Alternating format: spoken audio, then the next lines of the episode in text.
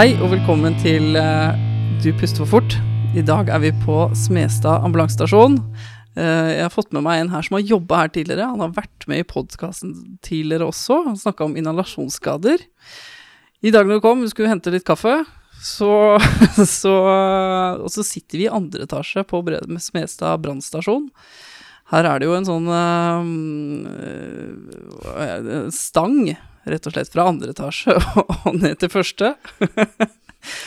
Erik, du skulle ned og tømme koppen din for, eh, for kaffe. Nei, jeg skulle, jeg skulle ikke ned. Jeg skulle bare, jeg skulle, det er to dører ut fra korridoren ved siden av kaffemaskinen her. Den ene går da til eh, et toalett og en vask. Eh, og den andre døra, der er det en stang og Og det er to-tre meter ned. Ja, det er jo Ja. ned til etasjen under, da. Um, og så- min erfaring nå er at man skal ikke ha dårlig tid når man går gjennom en dør på en brannstasjon. fordi jeg fant jo Jeg tok feil dør, da. Og gikk eh, rett og slett på snørra. Så jeg, tror jeg skal en tur ned på legevakta nå og få et par sting i min høyre legg. ja. For, du det- kasta deg rett og slett ut, eh, ut mot stanga, du. Ja, også. Jeg gjorde det. Jeg fikk tak i stanga da, men eh, den, den metallristen eh, som er en eh, meter på innsiden av døra, den er vesentlig hardere enn leggen min. Så nå har jeg sett tibiaen min, eh, og den eh, trenger jeg ikke se mer. Men eh, hjertelig velkommen til podkasten. Velkommen tilbake. Kjempekoselig at du kunne være her, selv med noen skader på din høyre legg. Ja, ja, men jeg, jeg har behandlet det da, og det har ikke blødd igjennom, så Nei, det ser greit ut. Heldigvis. Du, vi skal prate om uh, lungedøm, behandling av dem. Vi skal gå gjennom litt eh, fysiologien, eh, og hva på en måte eh, Skal stille spørsmålstegn ved den optimale behandlinga ved, ved lungedøm. Mm. Um, lungedøm er kanskje ikke det vi ser oftest eh, nå, nå lenger. Nei, eh, jeg husker i hvert fall eh, da jeg begynte å jobbe som vikar i, i ambulansetjenesten i Oslo, så, så syns jeg lungedem Altså jeg, jeg har et minne av, hvert fall, av at lungedem det var noe vi så regelmessig. Eh, og det var litt sånn ordentlig klassiske lungedemer med eh, cyanotiske mennesker hvor det så, altså boblet eh, eh, godt i lungene, og, og noen også altså faktisk hadde og så fikk, det kom rett og slett væske ut av munnen på dem, og det var, eh, så litt blodtilsølt ut. Og, med, ja, eh, altså, var ordentlig klassiske lungedemmer. Det husker jeg liksom at det, det så vi ganske ofte. Eh, og så har det gått en del år hvor jeg liksom eh, har slått meg, i hvert fall nå i det siste, da, at eh, de sov ikke på lang, lang tid. Eh, jeg er ikke helt sikker på hvorfor, men, eh, men jeg, har, jeg har gjettet meg til noe. Og så eh, har jeg begynt å se lungedemmer på nytt igjen nå i de ja, siste kanskje par årene. Uh, på en sånn måte at jeg tenker at uh, kanskje, kanskje de pasientene er Altså den, den diagnosen eller den problemstillingen er på vei tilbake. Jeg tror det i hvert fall. Ja. Og snakker man med, med gamlegutta, så er det jo, sier de at før så så man jo dårlige pasienter. Man så jo Da hadde vi lungedemer, og vi så jo det flere ganger i uka. Det er ikke så vanlig nå lenger. Nei, det er nok ikke det. Eh, men jeg, jeg gjetter nok på at, eh, at vi kommer til å se mer og mer av det. Eh, og så tenker jeg at kanskje det har noe å gjøre med at at mennesker lever lenger nå. Eldrebølgen er på en måte over oss. Eh, og eh, ja, lever man lenge nok, så vil man jo utvikle lungesykdom. Men nei, unnskyld, hjertesykdom. Det, det gjør jo alle. Eh, så, så jeg spår at lungedemene kommer vi til å se mer og mer av i tiden framover. Og så er det sånn at pasientene er mer og mer, eller bedre og bedre medisinert også, men nå på en måte får man i tillegg da eldrebølgen, og Mm. sånn som du sier, pasienter lever lenger. ja. Ja. Ja, jeg har liksom tenkt tanken ja, at eh, grunnen til at uh, uh, disse menneskene som, eh, som, som vi så for en del år siden, som, som rett og slett bare hadde skyhøyt blodtrykk og hadde vondt i hodet og var plaget og, og, og videre, eh, og liksom helt opp til de hypertensive krisene, at vi så veldig mye av det før, eh, med da sant, en, en påfølgende Eh, komplikasjon er jo da et lungedem. da. Eh, tenker, grunnen til at vi så de før, eh, og så har det på en måte vært borte i en del år, tenker jeg at kanskje det har noe å gjøre med betablokkerens eh, eh, Altså den liberale innføringen av betablokker til mennesker med, med hypertensjon. Eh, og kanskje det også har noe å gjøre med at folk i, i en del år har vært flinkere til å faktisk gå til legen og, og bli brukbart profylaktisk medisinert mot, mot det som kommer med alder, nemlig hjertesykdom. da. Mm. Først og fremst da høyt blodtrykk. Eh, men eh, siden de da har overlevd i lengre tid, eh, altså andelen eldre mennesker i Norge blir høyere, og, og også de eldre som da etter hvert blir syke, de, de også lever lenger, så, så blir de jo bare sykere og sykere, og, og ergo så vil også da lungedemmene komme, komme tilbake igjen. Mm. Jeg, jeg tror nå det, uten at det er egentlig bare en, en feeling jeg har, um, så jeg har ikke noe tallmateriale som bekrefter dette. Uh, det eneste som vel er opplest og vedtatt, er at um, vi har en eldrebølge som er på full fart inn, så, så det stemmer kanskje greit, sånn sett.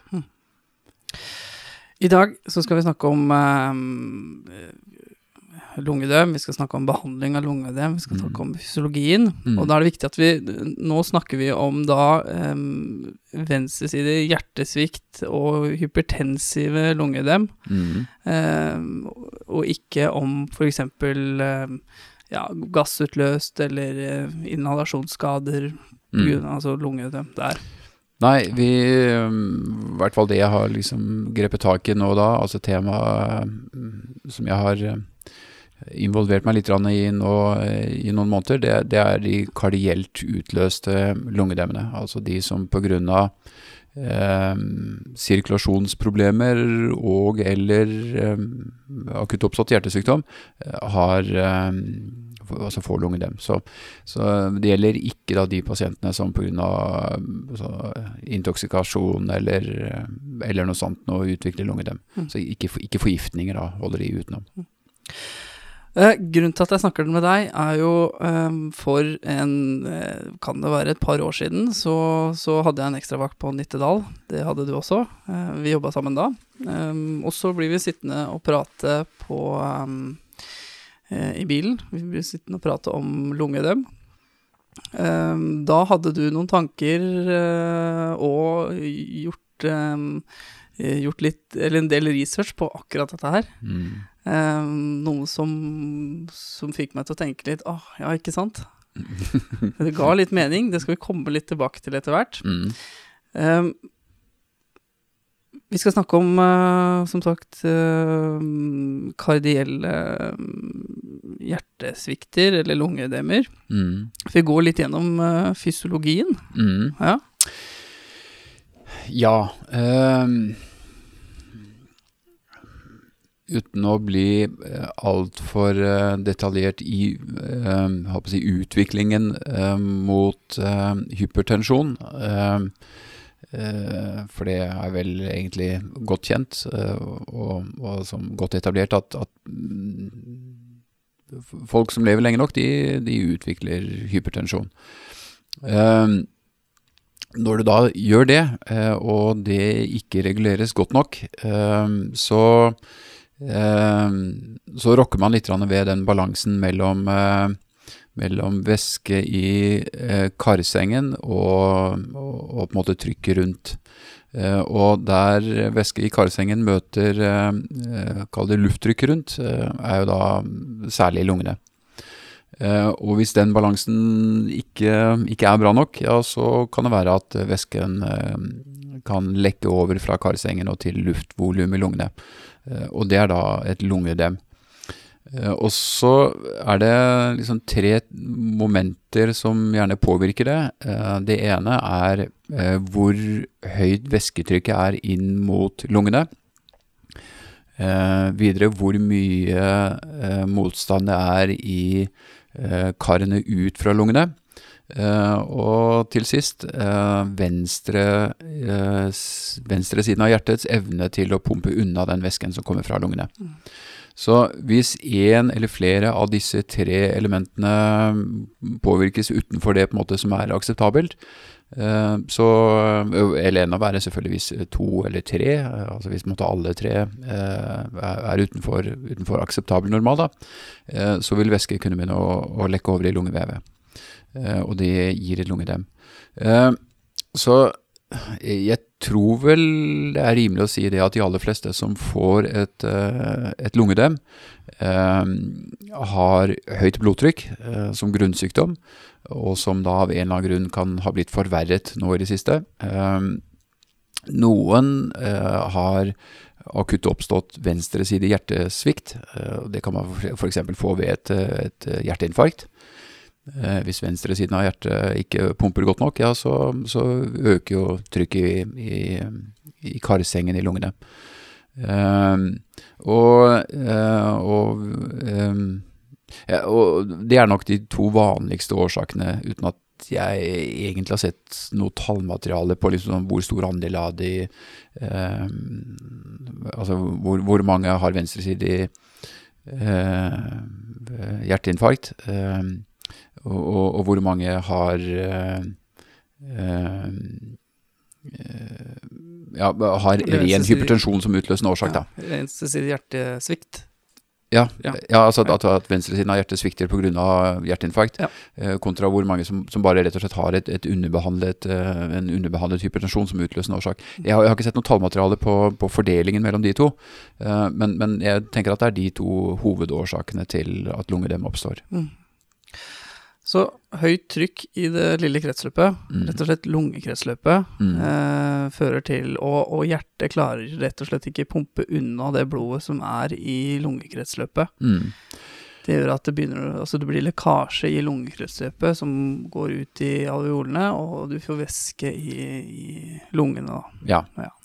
Det er et uh, det, er, det er, et veldig fint uh, Jeg har sett en veldig fin analogi på dette, sånn som forklarer dette på, på en veldig grei måte. Uh, av en amerikansk doktor som heter Amal Matu. og han forklarer egentlig denne mekanismen ved at han sier at Eh, lungene en, kan ses på som en bøtte som er sånn, kanskje, kanskje halvfull fylt med vann. Eh, og så er det én kran som, eh, som, fyller væske oppi denne bøtta. Eh, og så er det en slange ut av denne bøtta eh, som leder vann ned til en pumpe, eh, som da selvfølgelig er hjertet.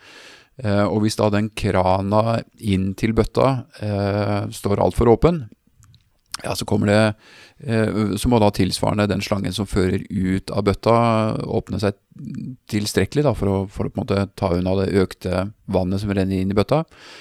Uh, og, og, samtidig så må selvfølgelig også da denne pumpa, les hjertet, uh, må være i stand til å få unna økt væskemengde. Så hvis, hvis da uh, enten da pumpa, les hjertet, svikter, altså ikke klarer å, å jobbe hardt nok, eller slangen ut av bøtta er, har for liten diameter, så, så, så, klarer de ikke å ta unna væsken, og da, og da fylles bøtta opp.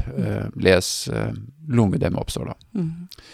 Eh, så det som er eh, Og så er det jo sånn da at eh, denne, denne bøtta som jeg nå beskrev, altså da lungekretsløpet, da, ehm, er jo ikke noe standalone-greier. Det er en del av et større system. Ehm, så man kan jo se for seg at denne bøtta her med dette slangesystemet står oppi en mye større bøtte, som er det totale sirkulasjonssystemet til en pasient. Um, og, og, og, så Hvis man da liksom skal trekke seg litt ut fra selve lungedem-diagnosen og se på hvordan hele sirkulasjonssystemet henger sammen, um, så blir det kanskje lettere å forstå um, hvorfor uh, behandlingen bør være som, som den bør være, og, og, kanskje da hvorfor den tradisjonelle måten å behandle lungedem på uh, kan, kanskje er moden for revisjon nå. Og, det er det som det er det som jeg da har, har ja, lest meg litt til og, diskutert med en del mennesker som jeg syns det er verdt å stole på, eh, og har da kommet fram til at eh, jeg kanskje syns at vi bør, bør revidere. Mm. Og vi vil snakke om uh, behandlingen. Da. For, å, for å få tilstrekkelig behandling av disse lungeødempasientene, mm. så må vi gjøre noe med dette du snakket om. Mm. i forhold til trykket inn. Eh, vi må gjøre noe med hvordan hjertet pumper. Mm. Vi må gjøre det eh, noe med i forhold til um, eh, lungekretsløpet. At det, vi må øke um, øke, Det er så høyt trykk inne i lungekretsløpet at det her må vi på en måte prøve å redusere det trykket. Mm. Ja, og eh, hvis, vi da, hvis vi da bruker den bøtteanalogien, da, så, så betyr det da at eh, det, vi, det vi bør gjøre, er å eh, redusere Eller på en måte stenge igjen den krana som fører vann inn i bøtta. Eh, så må vi passe på at den slangen som går ut av bøtta, er så stor som, som mulig. Eh, og så må vi ikke tukle med pumpas evne til å få unna det vannet som, eh, som, som leder ut av bøtta. Eh, Så hvis vi kan få til alle de tre tingene samtidig, så vil det være en effektiv måte å redusere vannmengden i bøtta på. Og, og reduserer vi vannmengden i bøtta, ja, så, så, så reduserer vi lungedemet. Eh, Så sånn sett så er det et veldig godt bilde. Eh, og så eh, er det jo sånn da at hvis vi da ser på det totale systemet, altså ser på denne lille lungebøtta oppi den store bøtta, så, så, så kan man ta stilling til da, eh, er det slik at de aller fleste mennesker med lungerem faktisk har altfor mye vann i den totale bøtta si, eh, eller, eller har de kanskje ikke det? Eh, og det er det noen som har forsket på da, og kommet fram til at eh, Nei, det, det har de ikke. Sånn ca. 50% av lungedempasientene, de, eller i overkant av 50% av, lung, av lungedømpasientene, de er ikke hypervolemiske. De har altså ikke for mye væske i bøttene sine. Eh, Men de har eh, væsken på feil sted. De har altså for mye væske i, i det lille bøttesystemet, altså i lungekretsløpet. Eh, Så vi skal egentlig ikke evakuere væske fra pasienten, altså fra hele bøttesystemet. Eh, Vi skal bare redistribuere litt. Vi skal, vi skal fjerne væske fra lungekretsløpet, altså lille bøtta, over i den store bøtta. Mm. Um, og det, det endrer litt måten Eller vil si, gitt at det er riktig, da, um, så betyr det at den måten, den tradisjonelle måten å behandle lungedem på, er, er litt feil. Vi skal litt tilbake til medikamenter etterpå, for det er jo det vi sikter til her, eh, rett og slett, med mm, furusemid, Furix. Mm. Um, når jeg starta den podkasten her, så trodde jeg ikke at jeg kom til å snakke om eh, bøtter. Men, men, men, men dette gir et veldig godt bilde da, på, på disse pasientene, Ja, altså, uten å få gå altfor dypt i det. Nei, jeg må innrømme at jeg er en enkel sjel og liker eh, enkle bilder. eh, og ikke er jeg verken biokjemiker eller eh, jeg, eh, jeg skal prøve å få blod til å gå rundt og rundt og luft til å gå inn og ut. eh, og får jeg til de to tingene, så, så, er, jeg, så er jeg veldig fornøyd med, med jobben jeg gjør. Så, så jeg trenger enkle bilder. Og jeg syns egentlig den, denne analogien her sånn eh, funker veldig greit for å forstå mekanismene bak, eh, bak lungedem. Eh, og siden jeg ikke ser noen grunn til ikke å stole på eh, den analogien sånn jeg fikk den presentert for meg, eh, og jeg ennå ikke har klart å finne noen som mener at, at sånn kan ikke forklare lungedemutvikling, eh, og, og også da, da riktig behandling av det, så tenker jeg at dette her funker veldig greit for å forstå hvordan lungedem oppstår, og, og hva som er riktig behandling av det. Mhm. Så eh, beklager bøtteanalogien, men, men det funker veldig bra for meg. Da skal vi gå litt inn på symptomene da, på, på lungedem. Mm. Ja. Eh, kan, jeg, kan jeg få lov å bruke en kasustikk? ja. Ja, kult. Ehm, for ikke så altfor lenge siden så eh, ble vi sendt til en pasient med pusteproblemer. Det var liksom pustebesvær som var, eh, som var eh, meldingen. Ehm, og denne karen, uh, når vi kom til han, ehm, satt på sengekanten på soverommet. Ehm, han var cyanotisk opp til albuene eh, og mesteparten av ansiktet. Han pustet eh, noe sånt noe som 40-50 ganger i minuttet. Eh, han satt eh, på sengekanten og holdt hendene sine høyt opp på skapveggen, eh, skaprekken rett foran seg. Eh, Så sånn jeg opplevde han når vi kom inn, eh, så hadde han virkelig hengt opp lungene. Eh, Og, liksom bildet jeg fikk for meg, var at han har hengt opp lungene til tørk. Mm. Sånn så det ut. Så snakket han, men bare i enstavelsesord. Så han svarte bare ja-nei, så jeg sluttet å stille han spørsmål. Eh, Makker eh, ble sendt av gårde til kona for å, å samle sammen hvilke medisiner bruker denne personen, og, og hva har han av diagnoser fra før av. Eh, men sånn god, god overvektig kar i begynnelsen av 80-årene, det er sånn. Og så gjør jeg noen målinger underveis da, og, og det var denne pasienten her som, som hadde et blodtrykk på 225 over 115, mener jeg husker var initiale blodtrykket. Eh, og det er jo sånn klart patologisk. Eh, så hørte jeg ikke på pusten hans noe annet enn at han pusta ekstremt fort og, og veldig, veldig overfladisk. Eh, så jeg eh, eh, Jo, jeg visste en ting til også før vi kom dit, og det var at han, at han brukte nattbipapp, sånn hjemmebipapp, denne karen her. Eh, så kommer Makker tilbake og forteller at de har akkurat vært på en uke eh, på ferie. Eh, og da har han ikke hatt med nattbipappen sin.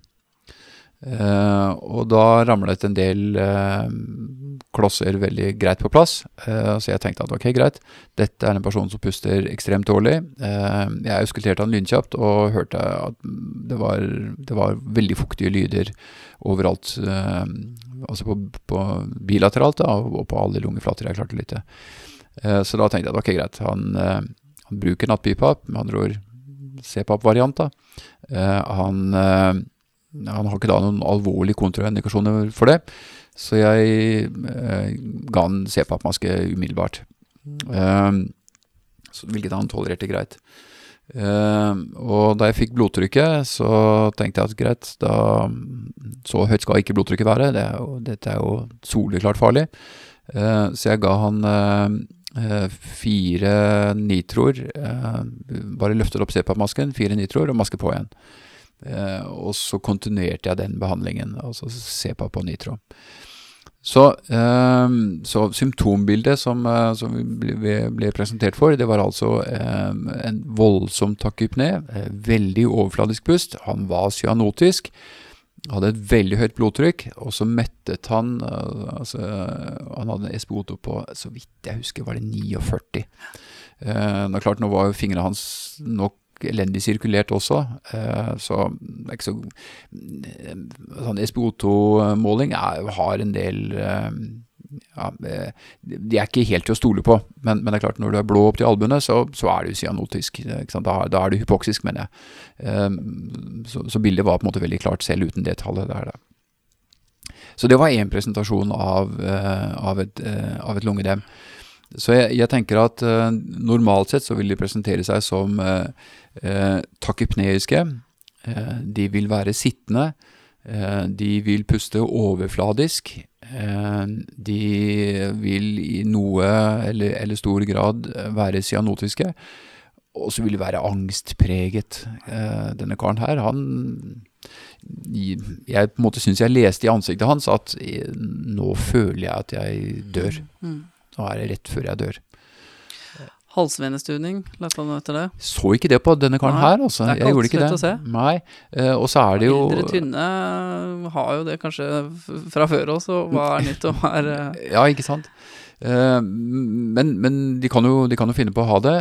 men så er det jo en del av disse pasientene her sånn, de er jo ikke en, altså, vi, jeg, en del eldre mennesker, eh, og særlig da de med høyt blodtrykk, de er jo kanskje litt volumøse fra før av, og da, da kan det bli litt vanskelig også å se venestuvning. Så eh, jeg så det ikke på, på denne pasienten her, da. Jeg kan ikke huske at jeg liksom har registrert det som et sånn veldig, veldig klart fremtredende symptom, altså. Men, eh, men, men de tingene jeg nevnte, pluss da selvfølgelig hvis man da skulterer, når du da hører våte lyder, ja så, ja, så, så er det greit å trekke. Ja. ja. Mhm. ja, da har man noen treff. Ja, der. da, da er det greit å konkludere med at dette her bør behandles eh, som det er lungedem, inntil vi eventuelt finner noe mer da, Mm.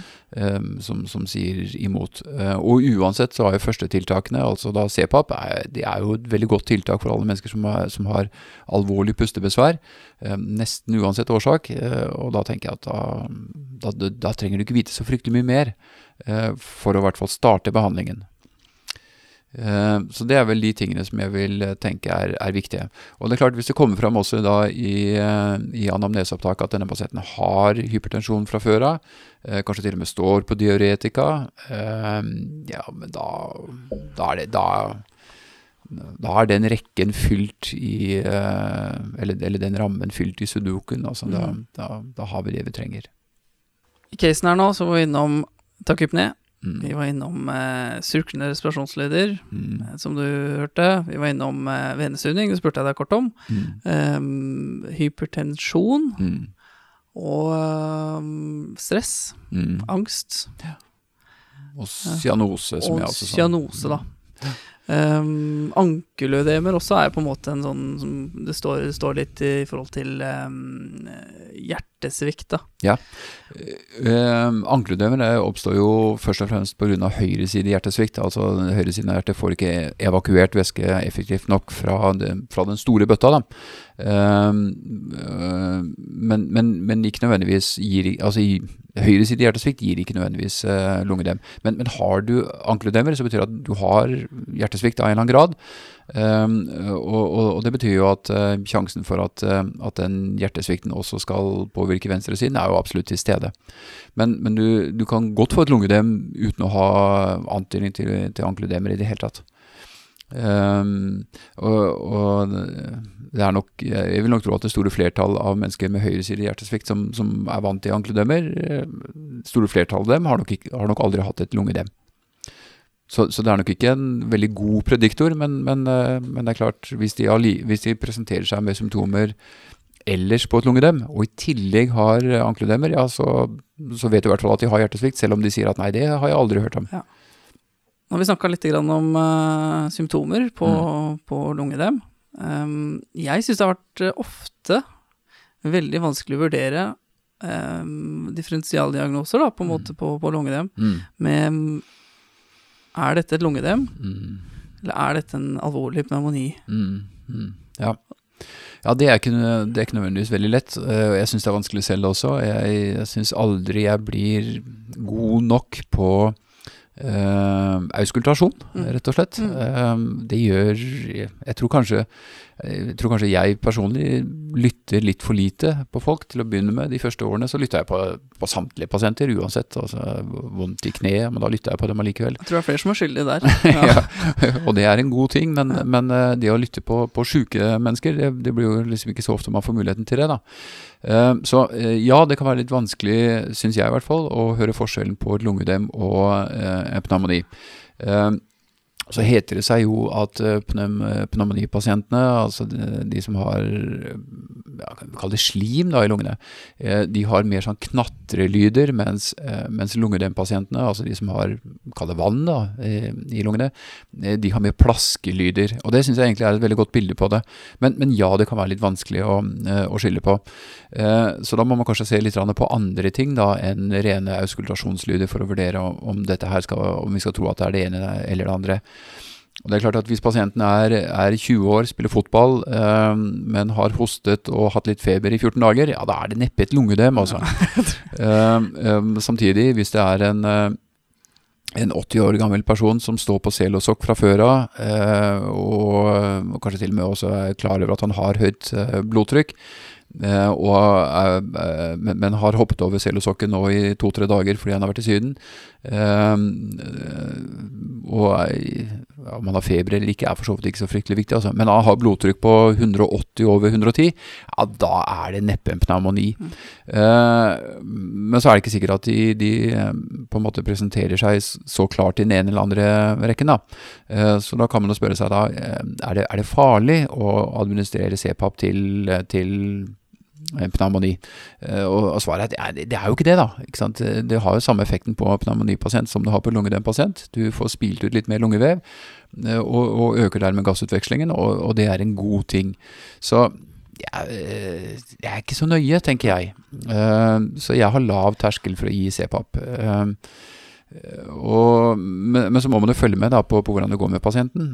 Og det er klart at hvis det viser seg å være en pneumonipasient da, som, som, faller i blodtrykk, og det kan være effekten av CPAP, at du faller litt i blodtrykk. eh, så må vi kanskje være forberedt på altså De må jo overvåkes da, så lenge de får CPAP. Eh, fordi det er en kjent bivirkning av CPAP, det er fallende blodtrykk. Eh, og for den hypertensive lungedempasienten så er det en god ting, eh, i hvert fall til en viss grad. da. Uh, mens for pneumonipasienten så er det ikke nødvendigvis en god ting. Så, så vi må overvåke nøye da, og heller være klare på å seponere hvis, uh, hvis dette går bad. da. Mm. Nå snakker du om CPAP, det skal vi snakke om litt senere også. Mm. Litt, gå litt mer i dybden på det. Ja. Um, og det er bra, for vi er glad i CPAP. Vi er glad i CPAP.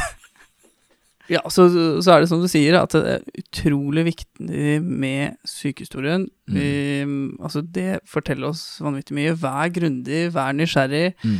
Eh, leit hele tiden, og det du ikke leiter etter, det finner du heller ikke. Mm. Noen av de pasientene, de har jo infeksjons... Øh, infeksjonstegn. Mm. Um, det har ikke nødvendigvis uh, de lungedempasientene. Lunge, lungedempasientene. Nei og, og sykehistorien bakover. Ja. Um, Se symptombildet med medisiner og tidligere historikk og ja, ikke sant. Ja, utrolig viktig. Eh, og så er det jo greit å, å liksom ha i, i bakhuet at den vanligste årsaken til, til lungedem, det er eh, Eh, det er hypertensjon. Altså har, veldig, veldig, ofte så har de høyt blodtrykk, eh, og, og kanskje det er veldig regulert og, og, normalt sett funker veldig greit. Eh, men det er klart at hvis de da av en eller annen grunn ikke har tatt medisinene sine i, i noe tid, ja, så, så, kan jo det, så kan jo hypertensjon på en måte forverres da til lungedem. Eh, og så må vi ha et lite sideblikk også til de akutt oppståtte lungedemmene pga. En, en, altså en akutt oppstått eh, hjertesvikt. Um, sånn at det er klart det at hvis pasienten uh, er, når det kommer til han, er cyanotisk, er stressa, føler han holder på å dø, og har brystsmerter, uh, så er det er jo lurt å ta et EKG-opp i dette. Sånn, Da. Mm. Uh, for det kan jo godt være at det er en venstresidig hjertesvikt pga. Um, et, et hjerteinfarkt. Og så er spørsmålet hvordan skal vi da behandle den pasienten? Uh, og, og, svaret på det er at mm, ja, det, da må vi i hvert fall være litt mer forsiktig, da. Men fremdeles er vann i lungene et, et, en dødelig problemstilling. Mm. Eh, så, så, vi må gjøre noe for å få bort uh, det vannet i lungene. og med andre ord, se på bang på. Ja. Så får en være litt forsiktig med, på, spesielt på disse pasientene, med nitroglyserin. Ikke sant. Ja, ja og, og, og, og, også CPAP-en. De må jo overvåkes nøye, og da særlig med tanke på blodtrykket, da, så ikke, så ikke eh, det å evakuere vannet fra lungene medfører en overbelastning på et allerede svakt eh, venstresidig eh, Altså venstresiden av hjertet. da. Så vi må, følge, vi må følge litt nøye med på dem. Uh, og, og, disse pasientene skal jo selvfølgelig til, til angio da, så fort som mulig. Uh, hvis, da, hvis, du da på EKG kan se en, en STEMI, liksom, sånn, så, så, ja, så, så, begynner det å um, Så er det dit du vil ha dem, da, og ikke til et medisinsk team pga. et, et lungedem. Um, så de er fremdeles teampasienter, selvfølgelig, da, men, men, men, men, da er det jo på en måte um, hjertesvikten som må adresseres aller først, da. Men eh, nitroglyserin har jo også da den effekten at det reduserer eh, eh preload, altså vi reduserer litt væsketilgangen inn i hjertet. Så hvis blodtrykket deres er adekvat, eh, så, så, er det greit med, med, med nitro, mener jeg. Eh, men vi må overvåke det nøye. Vi må følge nøye med på dem også. Dette var del én av lungeødem. Vi har tatt for oss fysiologien og noe av anatomien. I neste episode skal vi ta for oss behandlingen av lungeødem. Er det på tide med en revidering? Dette skal jeg og Erik diskutere i neste episode.